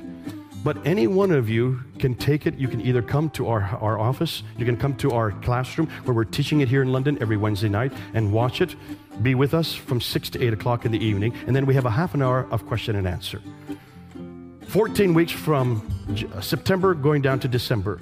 Take a look, and that's all, that's what you need to know about what Islam believes, where it's going. And then you need to know how to answer their questions. So we've got another 14 weeks starting in January, going to April, that help you with all the myriad of questions that you're going to get hit with. And this is 33 years of working, 25 years down at Speaker's Corner all over the world. Our team has been all over. We're now putting together the best answers. And uh, folks, these answers that you're going to get, you can do in two minutes. We'll show you how to do that and in every question to get the gospel into it. And then from April to July, we have another 14 weeks of much more advanced material, and this is polemics. Now, some of you may not feel comfortable with that. Every one of you can do that. And what we want to do is train you up so that you can de- defend yourself from all the attacks coming from Islam. This material, that's 42 lessons of two hours each, that's 84 hours of material. After you've gone through the whole course, you should be able to answer most every question with every question. I mean, answer every one of their questions. More than that, you will see how great the Bible is, how great Jesus is, how easy is to defend. And every question you should be able to defend. But we need to, we know that people can't come to our place, so you can get it in the comfort of your own home. We're going to beam it to you every Wednesday. And if you don't want to be there on Wednesday, you get it the next day. It's sent to you. You download it, and you have seven days to bring down that lecture. With every lecture, you get a PowerPoint, just like you've had tonight. The PowerPoint is yours, so is the lecture. That you can then watch at your own leisure whenever you're free or with a group. We're now sending it to India every week, but they can't watch it. It's 4 o'clock in the morning for them. So they're watching it on Friday nights, 30 at a time, getting together, undoing it piecemeal by piecemeal, and then using it out of the streets. So, this is something you can do wherever you are in any country on earth. And it's going to you rather than you coming to us. Now, this is not taught anywhere else in the world. There's no other school that teaches Islamic apologetics and Islamic polemics. There's not one Bible school. There's not one seminary that teaches you this kind of material. Some of it is taught at IBIOL, that we do the teaching here uh, at, in London. But on this scale, with this depth, the only place is with Pfander. We'd love to help you with it. Now, we know some of you also want to get into debates. So, we now are starting a new debating school. It's going to be in July. I did it in India last October. It was so popular. We had 60 young men and women who came and joined us. They want us to come back every year and teach because there's so many debaters there in India. God bless them. They want to learn how to debate Christianity and how to confront Islam apologetics and polemics. So we're going to put together a debating school right here in London. But you, it's only in London. This is not on the internet. You have to come to this. If you want to anything about the debating school, just email info at pfander.uk. If you want anything about the Pfander uh, Foundation course, just email courses at pfander.uk. Or come and sign up right here. We have a sign up sheet. Just give us your name and your email, and provided we can read your email, We'll send you all this information so you have it. Because we want to make sure that everybody learns this. This, I think, we should teach in every Bible school. I think we should teach it in every seminary because Islam is no longer over there, it's very much here. And we need to contend with it. Yes, Beth. Let me just repeat what she says so that all you can hear. You don't have to know a thing to come to the debate school. We're going to teach you everything. You don't have to have gone through the foundation course to come to the debate school. We're assuming that you know nothing when you come in July. And the dates are July 15th to July 19th. And then you are going to be tested at Speaker's Corner. We're going to put you out there. And I don't think any of you are going to fail. That's how confident I am. God bless you. We'll see you next week. Have a great week.